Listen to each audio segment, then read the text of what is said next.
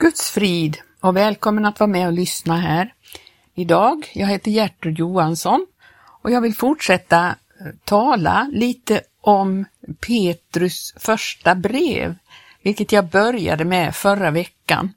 Vi läste då igenom första kapitlet i, denna, i detta brev. Jag tycker att detta Petrus brev beskriver så underbart vad hela Guds frälsning går ut på att det handlar om att komma ifrån någonting och till någonting. Det står ju att man kommer från mörkret till hans underbara ljus. Och det är precis det som har hänt med oss. Vi har kommit till en, ett arv som aldrig kan förstöras, fläckas eller vissna och som är förvarat åt oss i himmelen. Jag kom in på det lite förra gången och eh, talade då om att man inte kan ärva läran eller eh, ärva eh, det kristna livet på det sättet, men det måste förvärvas.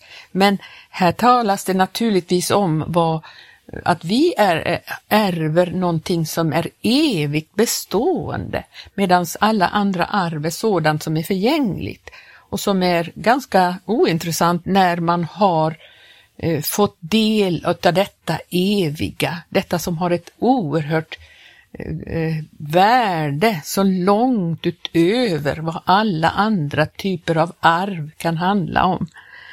Vi, vi talade lite ur den, detta första kapitel om att vi eh, ska vara heliga så som han eh, Eh, är helig. Det står det i, i 16 versen där.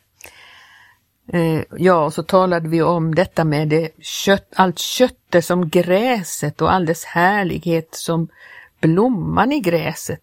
Gräset vissnar bort och blomman faller av, men Herrens ord förblir i evighet. Och det är detta ord som har förkunnats för er. Vi har ju blivit födda på nytt genom Guds levande ord som förblir.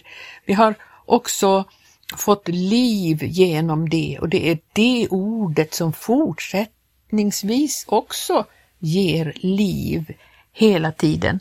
Och därför så står det i kapitel 2 eh, som vi ska läsa idag och vi läser det och, och kommenterar vars efter vi kommer framåt i texten. Där står det så här i första versen, lägg därför bort allt slags ondska, falskhet och hyckleri, avund och förtal. Därför, alltså på grund av det som vi läste i förra kapitlet, att allt kött är som gräset som vissnar bort. Och, men vi är födda på nytt av en, förgäng, en, eh, en oförgänglig säd och det är genom Guds levande ord. Vi är födda på nytt och därför så ska vi inte hålla på med de här tingen. Ondska, falskhet, hyckleri, avund och förtal. Det ska vi lägga bort. Det är en, en aktiv handling från oss att hålla på med sånt. Det ska vi inte göra. Längtan, står det i andra versen, som nyfödda barn efter den rena andliga mjölken så att ni genom den växer upp till frälsning. Den rena andliga mjölken, det är ju Guds ord. Vi ska lyssna till en förkunnelse som är helt och hållet byggd på Guds eget ord och inte någon inblandning utav människoläror eller människotankar, utan här ska vi verkligen forska i Guds ord, vad det står där och ta emot den, därför att det är det som gör att vi kan växa. Och det står att vi ska växa upp till frälsning. Och det handlar ju om att fortsätta i frälsningen vi är ju födda på nytt och frälsta, men vi ska ju också växa upp i frälsningen till slutfrälsning. Och det är vad vi får göra om vi får ta emot Guds rena ord. Och så står det i eh, fjärde versen. Kom till honom, den levande stenen, som visserligen är förkastad av människor, men är utvald och dyrbar inför Gud och låt er själva som levande stenar byggas upp till ett andligt hus, ett heligt prästerskap som ska frambära andliga offer som Gud vare tack, eh, Gud tack vare Jesus Kristus tar emot med glädje, står det. Ja, vad, vad menas med detta? Den levande stenen. Jo, det här är ju en förebild, det handlar ju om tempelbygget. Det är en förebild. De här tingen som talas om här är förebilder till vad, vad vi ska eh, uppleva andligen. Därför Jesus är förkastad av människor. Människor tycker inte om denna levande sten, därför den blir för dem en stötesten, står det. Eh, I, I sjätte versen så står det här, så här. Det står nämligen i skriften, alltså i Guds ord. Se, jag lägger i Sion en utvald dyrbar hörnsten och den som tror på den skall aldrig komma på skam. För er som tror är den alltså dyrbar, men för dem som inte tror har den sten som byggnadsarbetarna kastade bort blivit en hörnsten, en stötesten och en klippa till fall. Det stöter emot den därför att de inte lyder ordet. Så var också bestämt om dem. Här får vi förklaringen till vad som menas med det här. Denna hörnsten, det är ju Jesus Kristus. När man byggde templet så var ju det att man la en hörnsten och när den var lagd så visade den utformningen utav hela tempelbygget. Man, den, då kunde man se hur sidorna skulle gå, hur, hur de andra stenarna skulle läggas. Den gjorde riktningen åt eh, de andra stenarna. Men så, så var den en, blev den en stötesten, alltså man stötte sig på den. Man irriterade sig på den. Och vad menas med det? Det är ju så här att detta som Jesus har, har gjort blir för människor en stötesten därför att man vill inte lyda ordet. Man vill inte lyda, man, man vill göra det på sitt eget sätt. Man vill helt enkelt ha andra riktningar än vad denna sten utvisar och pekar på. Och då har man förkastat denna sten. Nej, så här vill vi inte att det ska se ut. Så här skulle vi ha det eh, på ett annat sätt. Och då blir det här en, en stötesten för dem, en klippa till fall. Alltså man, man, eh, det blir till fall för dem, att de inte tar emot denna frälsning som Gud beredde. Nej, man ville ha det på ett annat sätt och det beror ju på att man vill bevara sitt eget liv, sin egen eh, ja, självständighet så att man vill bestämma själv hur det ska se ut. Nej, men har du smakat att Herren är god, har du förstått vem han är, då vill du lyda och då blir den här stenen oerhört dyrbar. Och så står det, den som tror på den skall aldrig komma på skam. Den som tror på den här stenen, den som tror på Jesus, den som tror på ordet, han skall aldrig komma på skam. Visst är det stort och underbart. För er som tror är den alltså dyrbar. Men för den som inte tror har den blivit en, en hörnsten, en stötesten och en klippa till fall.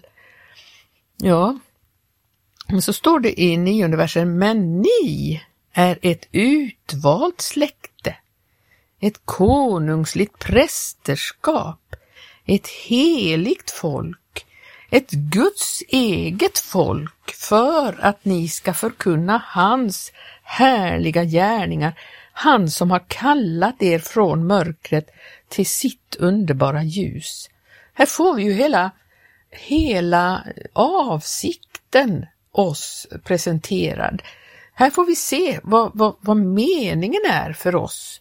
Vi ska vara ett heligt folk, alltså ett avskilt och helgat folk, ett folk som hör Gud till.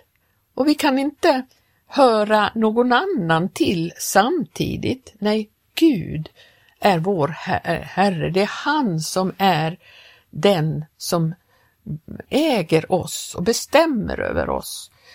Vi är hans folk och ingen annans. Och det är vi för det att vi ska kunna förkunna hans härliga gärningar. Denna frälsning blir genom oss förkunnad för andra människor. Därför att han har ju kallat oss från mörkret. Människorna vandrar ju i mörker. Men han har kallat oss från mörkret till sitt underbara ljus, står det. Och i, i eh, tionde versen, ni som förut inte var ett folk är nu Guds folk. Ni som inte hade fått barmhärtighet har nu fått barmhärtighet. Tänk att det har blivit någonting helt nytt, någonting helt annorlunda. När vi tog emot Jesus, när vi tog emot denna frälsning, då fick vi barmhärtighet. Det hade vi inte förut. Och så står det i elfte versen, mina älskade, jag uppmanar er som främlingar och gäster att hålla er borta från de kötsliga begären som för krig mot själen. Här kommer igen det här med främlingar och gäster, vilket vi mötte också i första kapitlet, där Petrus hälsar till främlingarna som är utspridda. Vi är främlingar och gäster här på jorden därför nu är vi födda av ett annat rike och då blir vi främlingar och gäster här på jorden. Och här uppmanar han dem att hålla sig borta från de kötsliga begären som för krig mot själen. Det är så viktigt att vi eh, inte är där vår, vår själ är utsatt för eh, beskjutning om man säger så, som man är när man är i ett krig. Vi ska ju hålla oss borta ifrån det. Det här för krig mot själen. Naturligtvis vill vi vinna våra själar och då ska vi hålla oss borta från det här. Det finns saker vi, vi är frälsta ifrån men vi är också frälsta till någonting. Från mörkret till hans underbara ljus. Och då ska vi hålla oss borta från, och så står det i tolfte versen. Ja, hur ska vi då bete oss här i världen? Jo, det står så här, uppför er väl bland hedningarna, så att de, när de anklagar er som förbrytare, ser alla goda gärningar ni gör och prisar Gud den dag han uppsöker dem de är också utsatta för Guds uppsökande eh, verksamhet och eh, då kommer de ihåg ifall vi är, är, gör goda gärningar, om vi uppför oss väl bland hedningarna. Och det, det är vi kallade till att göra. Och så står det underordna er varje myndighet för Herrens skull. Det må gälla kejsaren som högste härskare eller landshövdingarna som är av honom för att straffa dem som gör det onda och hedra dem som gör det goda. Det finns ju myndigheter och naturligtvis är de satta där för att vaka över ordningen och vaka över eh, så att ingen eh, gör något brott. Och naturligtvis ska vi underordna oss de lagar som finns.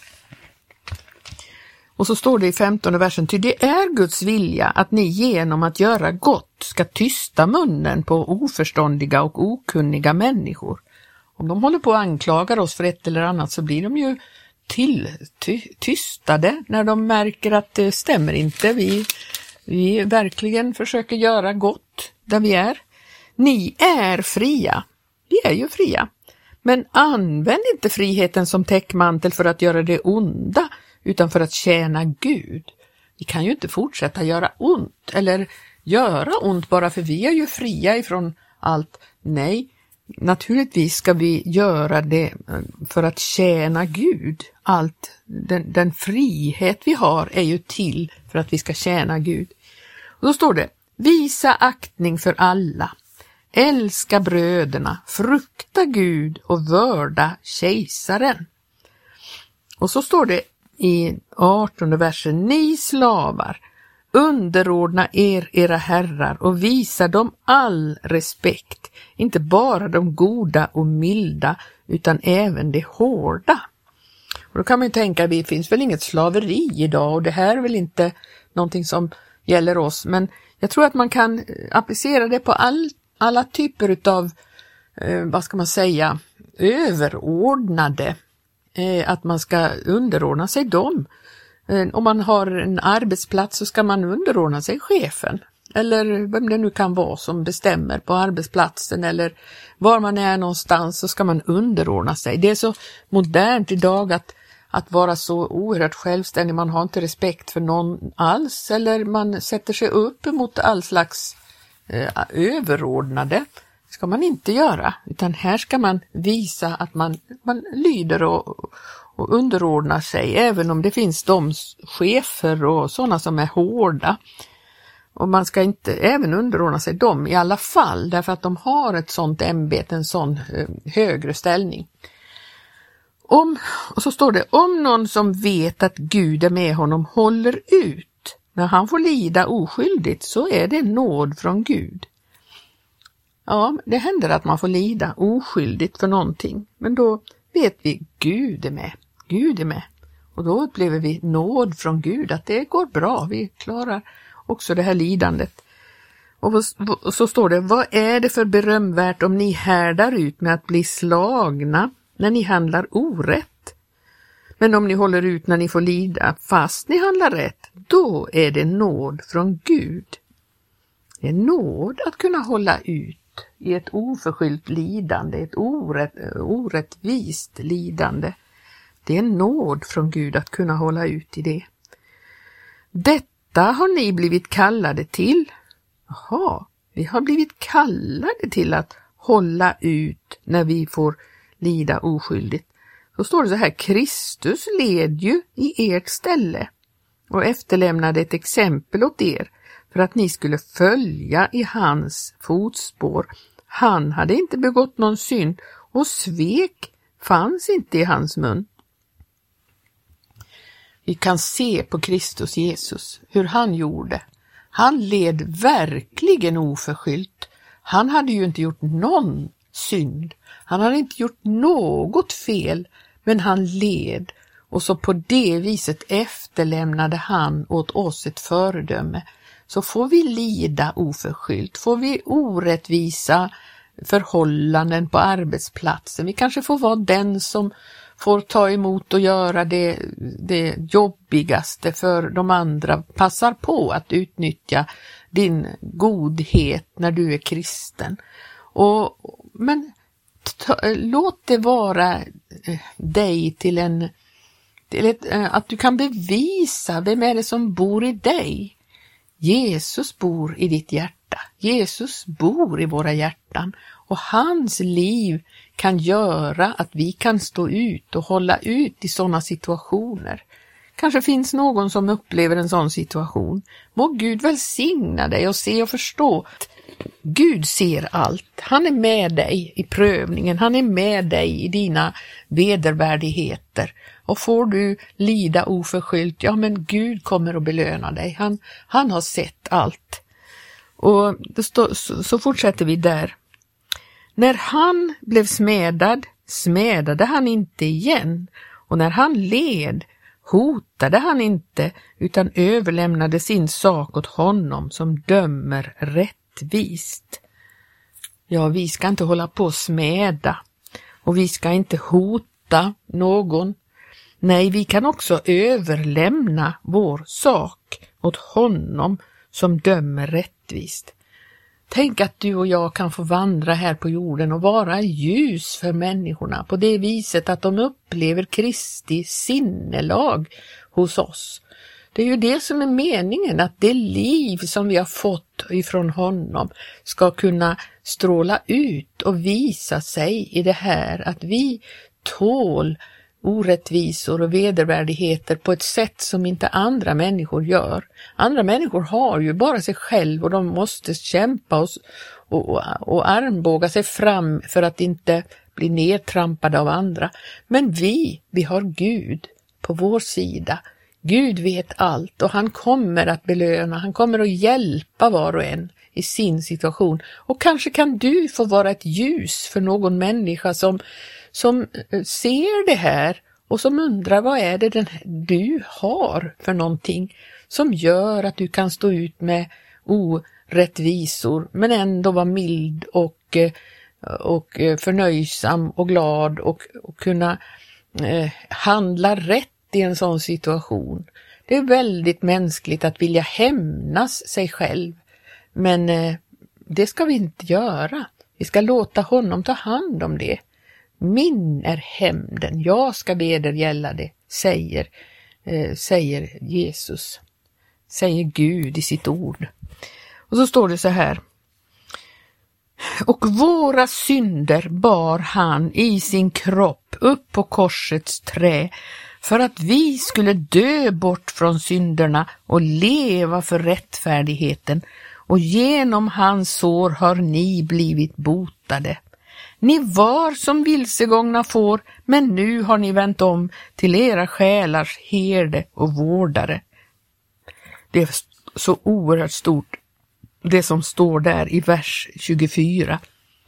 Och våra synder bar han i sin kropp Tänk att han tog de synder som du och jag har gjort. Alla människor har syndat och är i avsaknad av härligheten från Gud, står det. Men tänk att han bar dessa synder i sin kropp. Och i och med att denna kropp blev fastnaglad vid korset så blev våra synder fastnaglade där. De är upphängda på korset och det är dött nu. Det liv som vi levde i synden, det är dött nu. Det hängde där på korset. Och även om vi lever nu 2000, mer än 2000 år efter detta hände så var våra synder medräknade där i, på korset. Och därför så ska vi då kunna leva för rättfärdigheten istället. Tänk att vi får iklä oss hans rättfärdighet. Därför är vi inför Gud rena, syndfria och vi är rättfärdiga inför Gud. Det är så oerhört stor denna frälsning. Hur vi får inte missa detta genom att leva slarvigt, utan vi ska ta vara på alla dessa ord som vi läser om i detta, detta brev, Petrus första brev. Vi var som vilsegångna får, men nu har vi vänt om till våra själars herde och vårdare. Tänk att vi har en sådan. Vi har en herde, vi har en som vårdar våra själar. Och till honom har vi vänt om. Och nu så får vi vandra med honom, rättfärdiga, rena och syndfria inför Gud, vilket gör att vi en gång ska få träda fram inför honom. Vi ska fortsätta nästa eh, vecka med att eh, fortsätta läsa i detta Petrus första brev.